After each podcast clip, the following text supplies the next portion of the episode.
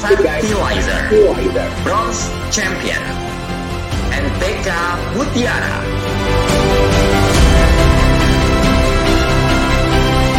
NPK Mutiara.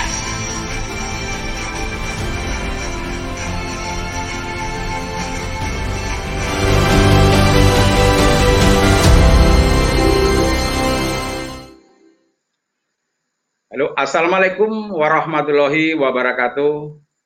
Selamat sore, salam sejahtera bagi kita semua. Selamat menjalankan ibadah puasa bagi umat muslim.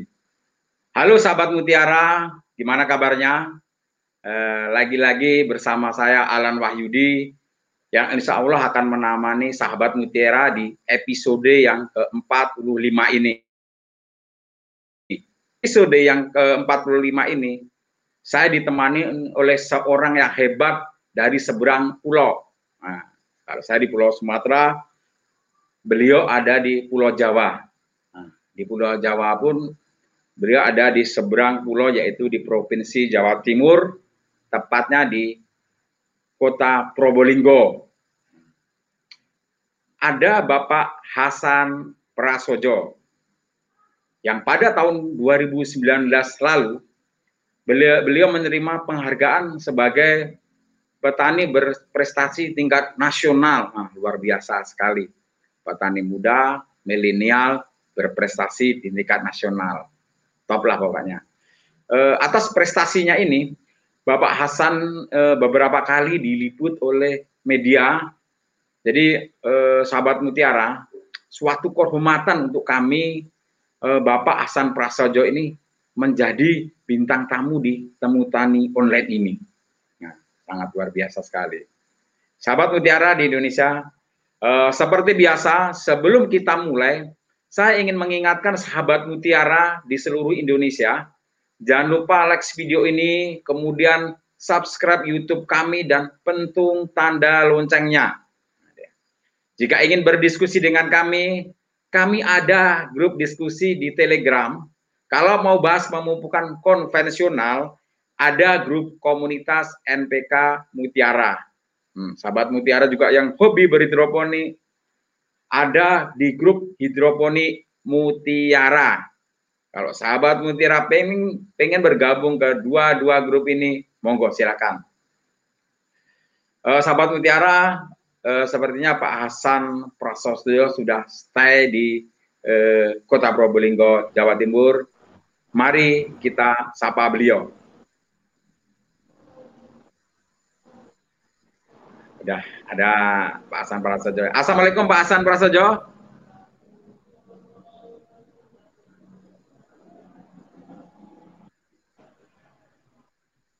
Sepertinya eh, koneksi jaringan agak terganggu ini ya, eh, sahabatnya. Mohon bersabar sahabat mutiara. Halo Pak Hasan.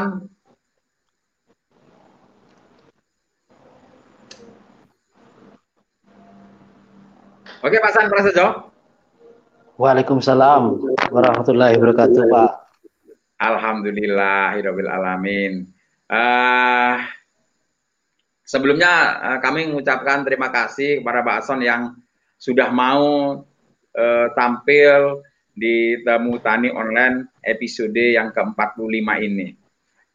Uh, bagaimana kabarnya Pak Hasan? Alhamdulillah baik Pak. Pak Hasan Prajo ini saya lihat kilomit biodata tadi Pak Hasan saya kira udah uh, tua, rupanya masih muda Pak. Dan juga banyak prestasinya rumah sebagai petani berprestasi. Luar biasa nih. Ngomong-ngomong di Probolinggo ini lagi musim apa nih Pak Hasan? Sekarang menjelang persiapan tanam melon Pak, cabai, tomat oh. dan lain-lain. Oh iya iya. Jadi melon Pak ya. Jadi selain melon nih Pak di Kota Probolinggo ini uh, terkenal dengan apanya nih Pak kalau uh, buah atau makanannya lah Pak? Kalau di Kota Probolinggo terkenal dengan kota manggur Pak. Jadi kota mangga dan anggur. kota mangga dan anggur, manggur Pak ya. Nah, mangganya sepertinya iya. manis-manis di sana Pak ya. Uh, anggur, oh iya anggur juga di sana banyak juga Pak, lagi demam-demam anggurnya di sana Pak. Tapi uh, saya udah lama nih nggak pasan nggak ke Jawa Timur. Saat terakhir di tahun 2003 nih yang terakhir saya uh, berada di Jawa Timur Pak. Dulu saya memang uh, kuliah saya di Malang, Jawa Timur Pak. Sudah kangen juga, oh, pengen-pengen iya, ke sana juga Pak. Boleh nanti mampir ke sana ya Pak Hasan ya. Siap, siap. Saya tunggu Pak Alan di oh, kota oh, Manggur. Manggut Pak. Termasuk ini Pak ya, ongkos uh, tiket pesawatnya Pak ya. Siap. ya, ya. uh, Sahabat Mutiara, uh, beliau adalah Pak Hasan Prasojo, salah satu petani melon kita di daerah Kota Probolinggo. Tapi sebelum saya ngobrol ini ya, panjang lebar dengan Pak Hasan Prasojo ini, yuk kita tonton uh, dulu video singkat berikut ini ya, mm-hmm. tapi kita sudah ke hilirisasi, hilirisasi Pak. Mm-hmm. Jadi kita bisa jual panenan kita sendiri ke langsung ke konsumen, mm-hmm. ya dengan harga yang sangat terjangkau dan tentu saja buahnya sangat manis Pak. Jadi, Jadi konsumen senang, mm-hmm. petani juga senang Pak. Terus untuk ke depan jangka panjang maupun jangka pendeknya Pak Hasan tadi kan sempat wawancara dengan Ibu Wali bahwa selain ada kampung anggur, kampung mangga nanti ada juga kampung melon. Ini gimana Pak? Ada kesempatankah untuk untuk seperti apakah ini Pak Hasan? Oke, ada uh, kesempatan Pak uh, untuk para petani. Uh, uh, Kota Probolinggo memang terkenal dengan manggur, Pak. Ya, hmm. kota manggur yaitu manggur. mangga dan anggur. Oh, ya. ya, ya. Jadi uh, uh, sekarang kita nyoba tanam melon ternyata rasanya beda dari kabupaten lain, Pak. Jadi uh -huh. didukung oleh uh, dataran rendah sini Pak yaitu hmm. 16 mdpl hmm.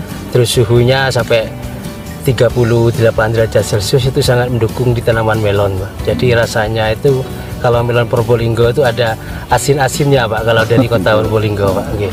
untuk ke depannya Pak Hasan dengan kelompok tani kira-kira penanaman melon akan ditambah berapa luasan lagi dalam menunjang program pemerintah kota Probolinggo Pak Azam? Ini ada sekitar 35 hektar Pak ya hmm. itu rencana masih studi lapang di lahan saya insya Allah 35 hektar itu nanti kita kembangkan dengan cara tanam secara bertahap Pak jadi sistem petik buah melonnya tiap hari hmm. itu ada Pak nanti oh. eh, untuk anggota kelompok tani Lestari Jaya nanti sekolah lapangnya di sini Pak oh.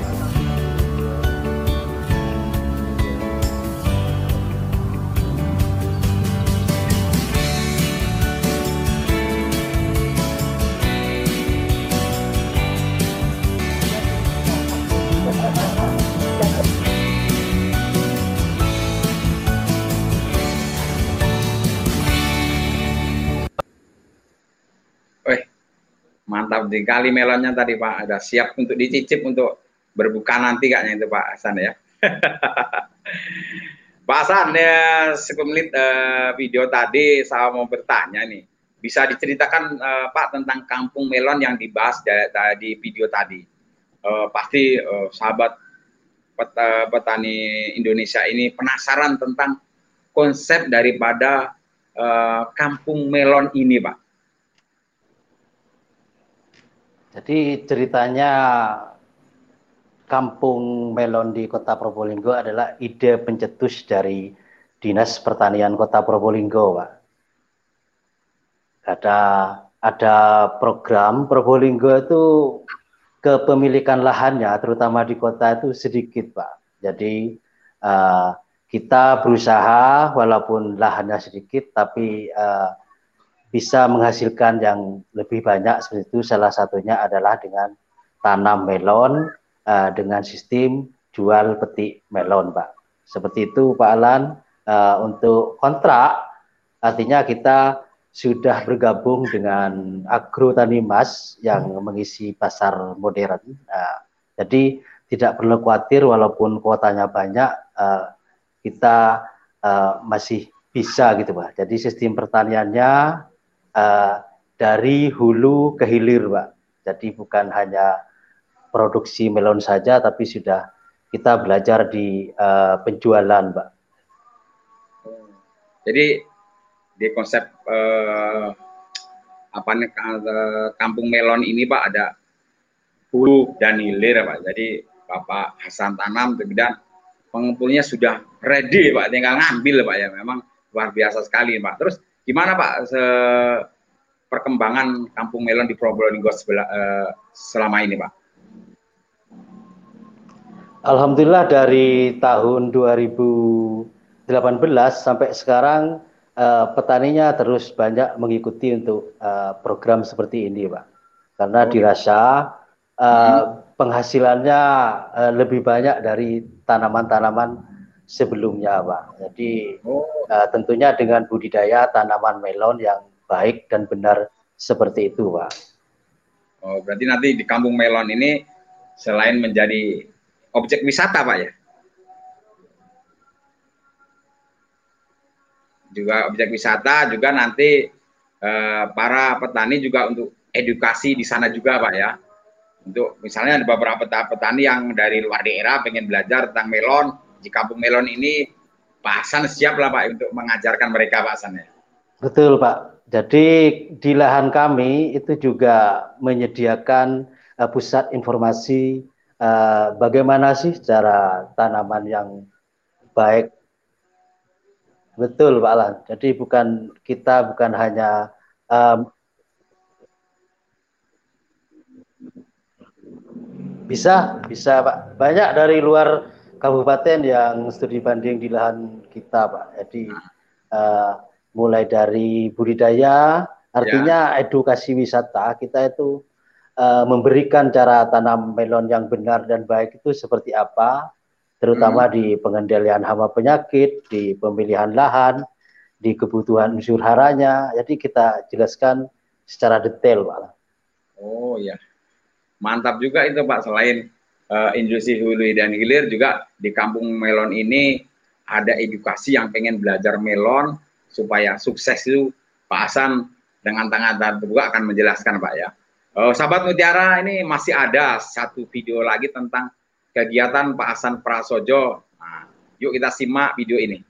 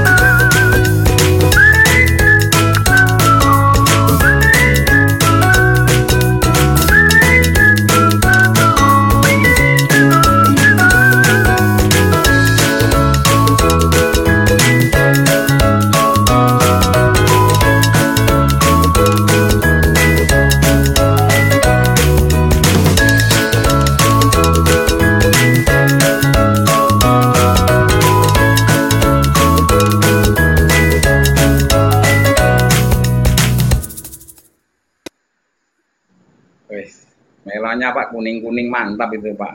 Rasanya pasti manis itu Pak ya. uh, sahabat Mutiara di video tadi paling awal Pak Hasan ini bersama uh, beberapa pejabat Kementan ya. Ini kita tanya ke Pak Hasan itu ini foto-foto tahun 2019 ya Pak Hasan ya. Betul Pak. Di mana tahun 2019 ini Pak Hasan menerima penghargaan sebagai uh, petani berprestasi nasional Pak ya untuk di melon ini ya Pak. Ya. Jadi pada waktu 2019 kemarin Pak kebetulan ada program dari Kementerian Pusat yaitu pemilihan uh, petani berprestasi. Jadi artinya uh, yang dipilih itu adalah petani yang uh, membawa manfaat di sekitar misalkan uh, tentang budidaya tanaman uh, melakukan uh, informasi-informasi secara swadaya. Salah satunya yang ada di video, Pak, itu banyak uh, para petani yang studi lapang di lahan kita, uh, bagaimana pertanian melon yang benar itu seperti apa, uh, baru kita jelaskan uh, di lahan atau temu wajah langsung, atau kadang saya share di beberapa FB, di FB saya uh, bisa uh, sahabat Mutiara bisa add pertemanan uh, dengan saya. Nah, di situ ada FB Hasan Prasojo. Jadi mulai dari uh, pemupukan, olah lahan, pemberian pupuk NPK Mutiara itu yang benar di fase vegetatif dan generatif itu uh, NPK Mutiara merek apa saja di situ sudah jelas Pak Alan. Oh iya iya iya. Nah, jadi kami mengucapkan selamat atas prestasi Pak Hasan ini ya. Jadi ini prestasi ini bisa memotivasi kami juga uh, bertani selain bertani untuk menghidupi keluarga kita juga uh, bagaimana petani itu bisa membantu orang lain di sekitar untuk mendirikan kampung melon itu menjadi mungkin dari penilaian yang luar biasa itu pak. Uh, kemudian dalam video itu pak ya uh, saya lihat ada ibu-ibu ibu-ibu tadi di video tadi sepertinya ada ibu wali kota Probolinggo ya pak ya dan itu dalam kegiatan apa pak Hasan beliau berkunjung ke kampung melon Pak Hasan ini? Beliau dalam rangka uh, panen Pak. Jadi panen perdana biasanya kita dihadiri oleh uh, pemimpin daerah yaitu wali kota atau ibu wali kota. Jadi awal perdana panen uh, biasanya kita bekerja sama dengan dinas pertanian uh, untuk memviewkan atau memberikan informasi ke para masyarakat sekitar bahwa sebentar lagi panen melon di kelompok Tani Lestari Jaya segera tiba jadi informasinya eh, seperti itu Pak. Jadi eh, dengan hadirnya wali kota itu biasanya eh, semakin banyak yang langsung beli di lahan, terutama ibu-ibu di wilayah sekitar kota Probolinggo. Jadi ya Pak ya kalau memang melonnya seperti itu banyak orang ingin selfie loh Pak. Nah, negang melon selfie diunggah di Facebook Pak, di Instagram itu Pak. Jadi itu uh, secara otomatis itu meningkatkan daripada uh, apa namanya Pak uh, gaya jual daripada melon itu sendiri Pak ya sering dikunjungi itu, Pak. Jadi memang uh, ini Pak ya sana ya hmm, kampung melon di wilayah Probolinggo Pak Asan ini dapat dukungan dari begitu Pak ya. Betul Pak. Jadi kita dapat dukungan dari dinas pertanian. Uh, difasilitasi lah Pak ya seperti itu. Jadi eh, ibu-ibu uh, yang datang itu rata-rata belinya langsung ke lahan itu lebih menarik seperti itu Pak. Jadi bukan hanya edukasi wisata saja tapi kita langsung ke petik lahan bersama uh, para para masyarakat sekitar terus media-media elektronik juga hadir pada waktu uh, session dengan wali kota Probolinggo. Oh iya Pak. Jadi datang ke sana Pak, makan gratis Pak ya. Melon sepuasnya gratis ya Pak ya.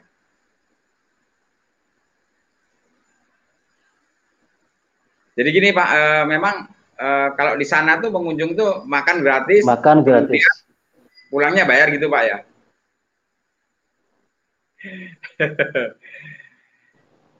Oh ya, sahabat Mutiara nih, uh, saya lihat juga di video tadi Pak Hasan ini juga salah satu kelompok tani namanya kelompok tani Lestari Jaya, Pak. Lestari Jaya nih, hampir mirip mirip dengan PT Merek Tetap Jaya juga nih, Pak. Nanti jangan-jangan berubah aja Lestari Tetap Jaya, Pak Hasan ya. Bisa jadi, Pak. Modern sesuai nama loh, Pak. Nama kelompok itu kan Lestari Jaya jadi lestari saya lihat itu melestarikan uh, tanaman juga menjadi jaya. Jadi nama kelompok ini juga menjadi doa Pak ya supaya kami juga mendoakan coba kelompok tani lestarinya ya Pak Pak Hasan ini semakin jaya, semakin bisa mengayomi masyarakat sekitar Pak Hasan ya. Nah, ini ngomong-ngomong Pak sejak sejak amin, tahun berapa amin. nih Pak uh, dibentuknya kelompok lestari jaya nih Pak dan ini berapa anggotanya sekarang nih Pak? Ada lima atau sepuluh orang atau gimana Pak? Anggotanya kurang lebih 50 orang, Pak, dengan luas lahan sekitar 35 hektar.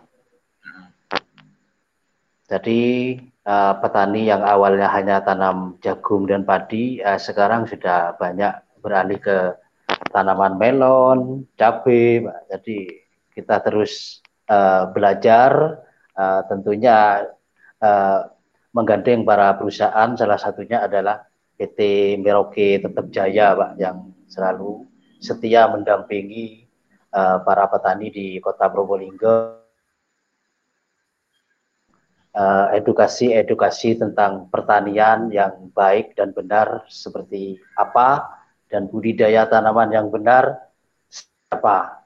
Jadi saya ucapkan terima kasih kepada PT Merauke Tetap Jaya yang terus memberikan inovasi-inovasi uh, tentang program-program pemupukan pada tanaman hortikultura dan pangan.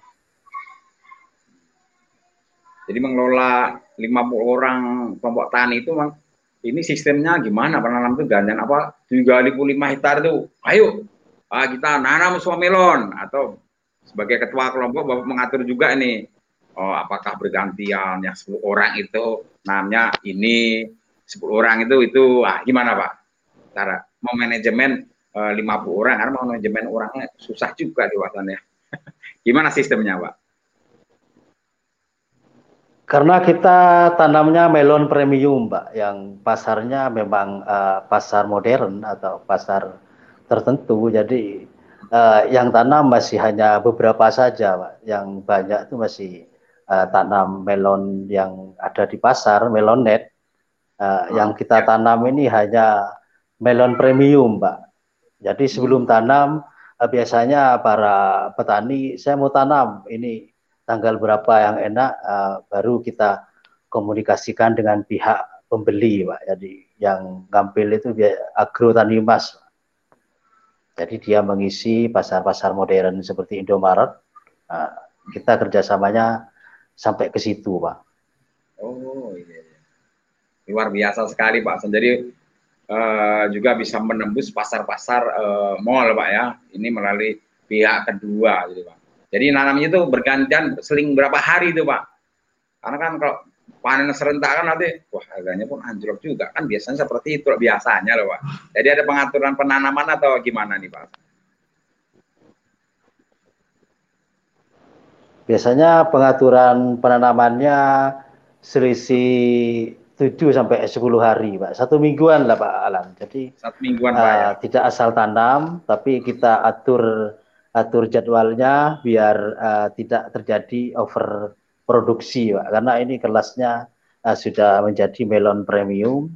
Uh, kalau overproduksi uh, yang jelas petani takut rugi, Pak. Jadi ada manajemen pola tanam, namanya MPT, Pak. Jadi manajemen pola tanam, kapan pas biar tidak terjadi overproduksi seperti itu Pak. Jadi konsepnya kita pakai MPT yaitu manajemen pola tanam. Oke. Sip. Manajemen pola tanam. Jadi pengaturan tanamnya Pak. Jadi per seminggu gantian nih Pak. Memang kalau per seminggu pertama intinya tidak putus, eh, stoknya tidak putus, kemudian uh, harganya pun tidak jatuh Pak ya. Ini kalau sahabat mutiara di Indonesia Pak Hasan Prasojo ini juga uh, mengembangkan melon yang varietasnya sangat terbatas di Indonesia nih. Melon varietasnya terbatas. Mungkin sahabat mutiara ada yang baru dengar atau belum dengar ini ya, uh, yaitu melon uh, Dalmatian. Nah, apakah petani di Probolinggo ini juga mengembangkan varietas varietas tersebut, Pak ya? Tapi Pak uh, mengenai melon Dalmatian ini, sebelum Bapak jawab ini Pak Hasan ya, Nah, kita ingin melihat video pada saat panen melon Dalmatian ini, Pak. Kita simak video berikut ini.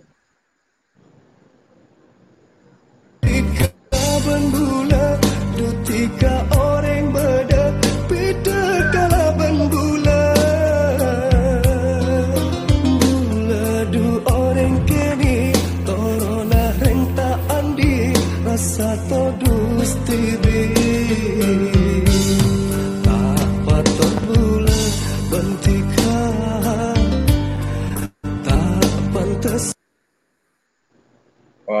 itu dia Pak. Nampak melon dalmatiannya Pak. Saya kita jangan banyak-banyak kuning aja Pak. Jadi uh, sejauh mana Pak uh, melon uh, dalmatian ini dikembangkan di uh, daerah Probolinggo Pak?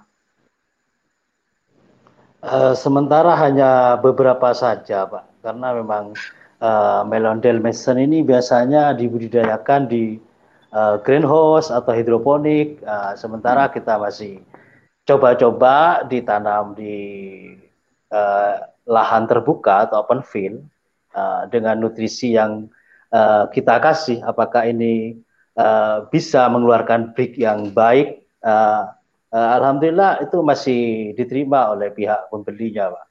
Karena uh, melona juga besar dan rasanya pun uh, bricknya sampai tembus 15 brick pak dengan uh, pemberian unsur hara makro dan mikro uh, dengan tepat setiap fase-fasenya itu tepat sasarannya Pak. Fase vegetatif uh, unsur hara, unsur hara apa yang kita masukkan uh, di situ kita tinggal uh, ada namanya di Merauke Tetap Jaya ini Pak ada namanya program pemupukan tanaman melon. Jadi di situ sudah ada kebutuhan unsur hara vegetatif sampai kebutuhan unsur hara itu ke sampai ke generatif. Jadi mulai dari pupuk dasar, uh, fase vegetatif, fase generatif itu sudah diukur uh, kadar NPK-nya itu dan dimasukkan pada HST berapa hari sekali itu sudah ada. Kita coba ikuti itu, Pak. Jadi uh, alhamdulillah buah yang rewel atau ruwet di tanaman terlahan terbuka itu masih bisa optimal, Pak. Hmm, ya ya. Tadi saya lihat paten ini Pak ada melon golden dan ada juga melon yang warna itu asing bagi saya loh Pak. Kalau di sini kan golden net sama uh, kemudian yang golden. Jadi yang dalmatian yang melonnya agak warnanya agak lain tadi Pak ya. Warnanya putih bintik-bintik hijau Pak. Oh. Ah, kalau luarnya uh, seperti kalau melon. Nah, di dalamnya daging buahnya gimana nih Pak? Saya belum pernah belum kan nampak luarnya aja Pak. Daging buahnya oranye, kuning, hitam Buah, atau biru nih Pak ya. Putih agak hijau. Ya, lunak, lunak, lunak kenyal Pak. Uh, berarti masih enak ini Pak kalau melon putih agak lunak manis itu luar biasa. Berarti pasti enak nih Pak nih. Apalagi untuk menu berbuka nanti Pak Hasan nih. Ada stok di rumah Pak Hasan nih ya untuk berbuka nanti melon Dalmatian ini Pak ya. Ada, monggo Pak Lan. Langsung saya kirim nanti. Jadi sahabat mutiara kalau melon Dalmatian ini memang uh, uh, melon premium ini yang dikembangkan oleh uh, Pak Hasan Prasojo nih ya. Memang kalau di pasaran ya uh, jarang kita jumpai lah ya melon seperti ini. Memang Pak Hasan punya pasar tersendiri ya. Bicara masalah brick tadi Pak Jan bila bisa bicara sama brick jadi kalau break itu ada untuk alat untuk menguji rasa manisnya melon. Jadi kalau nggak pakai break, pakai cicip kan bisa nipu-nipu juga Pak. Ini manis enggak, manis bilang manis enggak kan itu Pak Hasan. Tapi pakai break oh dari angkanya, di angka 15 Pak Hasan luar biasa itu manis Pak. Manis sekali ya. Kita ada Pak Hasan juga ada video ini ya, sahabat Mutiara dia panen langsung di breaknya berapa. Nah ini ada video lagi nih. Monggo kita simak videonya.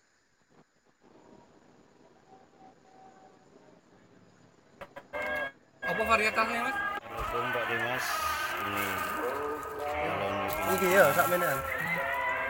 Apa varietasnya mas? Nah, itu videonya Pak. Breaknya 15. Ini itu baru petik langsung Bapak tes breaknya Pak ya?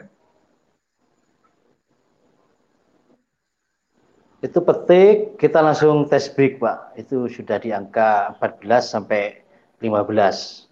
Di pada usia 60 hari setelah tanam kita langsung petik, langsung kita hmm. tes.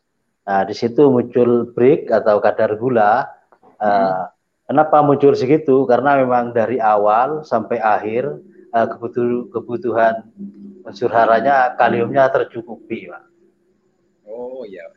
Jadi memang habis panen segitu apalagi kalau udah 24 jam, Pak, oh, pasti naik itu Pak Hasan itu manisnya wah kerasa banget itu Pak Hasan ya. Betul, betul nah, jadi kita udah uh, melihat tadi melon uh, Pak Hasan ini selain breaknya bagus, uh, edukasinya bagus, dia juga meng, uh, juga triknya. Jadi menurut Pak Hasan ini dalam budidaya melon jenis uh, premium ini, ini jika dikembangkan di lahan terbuka atau konvensional, ini faktor-faktor apa yang harus diperhatikan Pak tentang budidaya melon ini Pak ya? Supaya melon itu dari segi kualitas dan kuantitas yang Bapak dapat di lahan Pak Hasan ini dapat itu loh Pak. Jadi dalam teknik budidaya tanaman melon yang perlu diperhatikan ada tiga. Pak. Jadi yang pertama adalah pemilihan lahan. Jadi lahan yang akan kita tanami itu harus uh, drainasenya bagus. Dan yang lagi ada sumber airnya atau misalkan kita tanam di musim kemarau uh, kita tinggal uh, memberikan air dengan cukup. Nah, artinya sumber air harus dekat. Nah, yang kedua adalah teknik pengendalian hama dan penyakit karena pada tanaman melon itu ada yang namanya uh, organisme pengganggu tanaman yaitu hama dan penyakit. Jadi kita harus pengamatan uh, hama apa yang ada di lahan kita, uh, baru kita eksekusi dengan pestisida atau dengan uh, manual. Misalkan ada penyakit, uh, fungisida apa yang akan kita semprotkan. Nah, di situ uh, pada sesi sebelumnya akan sudah dijelaskan oleh Bapak Panut, Pak ya di uh, Merauke ya video-video sebelumnya. Uh, saya banyak belajar ke uh, beliau Bapak Panut Jojo Sumirto. Uh, beliau pernah hadir di diundang oleh PT Merauke Tetap Jaya. Saya banyak belajar ke beliau tentang pengendalian hama dan penyakit uh, yang ketiga ini poin yang paling utama Pak jadi ya, ya. pada tanaman melon uh, itu uh, unsur haranya itu harus pas Pak uh, vegetatif itu uh, apa yang akan kita masukkan untuk uh, fase pertumbuhan uh, di situ uh, harus pas. Nah, kita banyak mengikuti program pemupukan melon yang sudah diteliti oleh PT Merauke Tetap Jaya. Jadi di fase pertumbuhan uh, kita biasanya uh, memakai NPK Mutiara 1616 sama kalsium nitrat KPB situ ada kalsium nitrat, persporon itu fungsinya untuk uh, memacu pertumbuhan tetap optimal. Jadi pada fase vegetatif kita lakukan pemupukan eh, NPK Mutiara dan KPP pada usia 5, 10, 15 hari setelah tanam untuk uh, membuat pertumbuhan terus berkembang dan lebih tahan hama dan penyakit, Pak. Dan pada fase generatif atau setelah seleksi buah dan sebelum seleksi buah, eh, kita lakukan pemupukan di situ ada namanya NPK grower, Pak, yang kaliumnya itu sekitar 20, eh, itu sangat tinggi dan sangat cocok untuk tanaman melon. Dan yang penting lagi, di NPK grower itu ada mikronya juga, Pak. Jadi kebutuhan mikro di tanaman melon ini juga sangat dibutuhkan walaupun uh, kebutuhannya mikro itu sedikit tapi tetap kita uh, aplikasikan, Pak. Kalau kurang uh, kita biasanya pakai uh, mikro Vitoflex ya itu situ ada uh, saset kecil uh, jadi kita tinggal aplikasi uh, di situ namanya ada defisiensi unsur hara. Jadi poin ketiga ini Pak adalah uh, sahabat mutiara. Poin ketiga ini adalah yang paling uh, perlu kita perhatikan sahabat mutiara. Jadi uh, kebutuhan unsur hara mikro pengamatannya adalah uh, kita melihat daun bawah sampai daun atas. Di situ namanya adalah defisiensi unsur hara. Apa yang unsur hara kurang pada tanaman kita, kita bisa tinggal browsing di Facebook NPK Mutiara itu ada sahabat Mutiara bisa uh, langsung lihat di Facebook NPK Mutiara defisiensi unsur hara tanaman melon di situ lengkap. Jadi saya sekali lagi saya ucapkan terima kasih kepada NPK Mutiara Merauke Tetap Jaya yang terus memberikan informasi kepada saya khususnya atau petani-petani di seluruh Indonesia uh, bagaimana sih uh, divisi unsur hara seperti ini dan program pemupukannya seperti ini uh, itu terus kita coba di lahan. Dan hasilnya di video tadi yang sahabat Mutiara lihat uh, videonya breaknya sampai muncul sekian uh, buahnya halus jadi poin di tiga ini pak poin tiga yang perlu diperhatikan uh, sahabat Mutiara adalah uh, kebutuhan unsur hara makro dan mikro tercukupi dengan baik tidak lebih tidak kurang jadi sudah ada uh, takaran setiap fase-fasenya. Seperti itu, monggo Pak Alan. Oh iya, ya, kata kuncinya ada tiga Pak. Yang paling penting ada nutrisi hara makro dan mikro harus ada di tanaman Pak. Nah, satu lagi pertanyaan terakhir karena waktu kita terbatas waktu Pak ya. Kata kunci melon supaya manis itu Pak. Nah itu apa tadi Pak? Breaknya bisa 15, 17 sampai 18 kan itu Pak perlu diinformasikan ke jadi, apa nih Pak? Nah. Jadi begini sahabat mutiara untuk uh, tanaman melon uh, biasanya break atau kadar kemanisan uh, itu kan biasanya membutuhkan kalium. Nah, kalium itu ada banyak, ada kalium klorida, ada kalium sulfat. Jadi uh, tanaman melon ini sensitif klor, Pak. Jadi yang biasanya permintaan dari pembeli saya mau break 18 misalkan seperti itu uh, kita hmm. bisa pakai uh, di situ ada Merauke SOP yaitu bukan kandungannya itu kalium sulfat jadi itu uh, cocok untuk aplikasi tanaman melon biasanya aromanya keluar harum hmm. rasanya manis warnanya uh, sesuai dengan karakter melon, misalkan warnanya oranye, itu orennya benar-benar keluar. Jadi tergantung uh, pembeli yang kita minta. Misalkan mau manis sekian, asal daunnya bagus, pengendalian hama penyakitnya pas, pemberian surharnya kita bisa tinggal pilih. Karena Merauke tetap jaya, pupuknya lengkap ada. Di situ ada magnesium sulfat, magnesium sulfat ini biasanya pada tanaman melon pada usia setelah seleksi buah itu biasanya daunnya bawah kuning.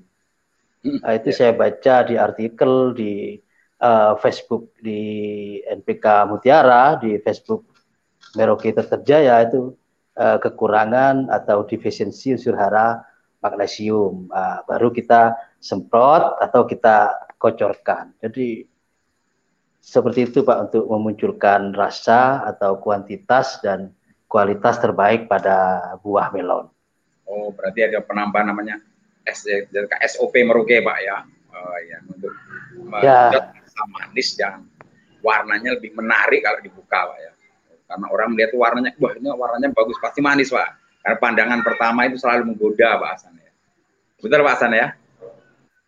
Betul, betul. Oke, sahabat Mutiara, Uh, terima kasih pada Pak Hasan uh, bincang-bincang kita tentang melon. Jadi sahabat Mutiara, jika ingin bertanya uh, silakan tulis komen baik di Facebook kami juga di YouTube kami. Tapi sebelum menginjak ke sesi tanya jawab dengan Pak Hasan Prasojo ini, mari kita rehat sejenak.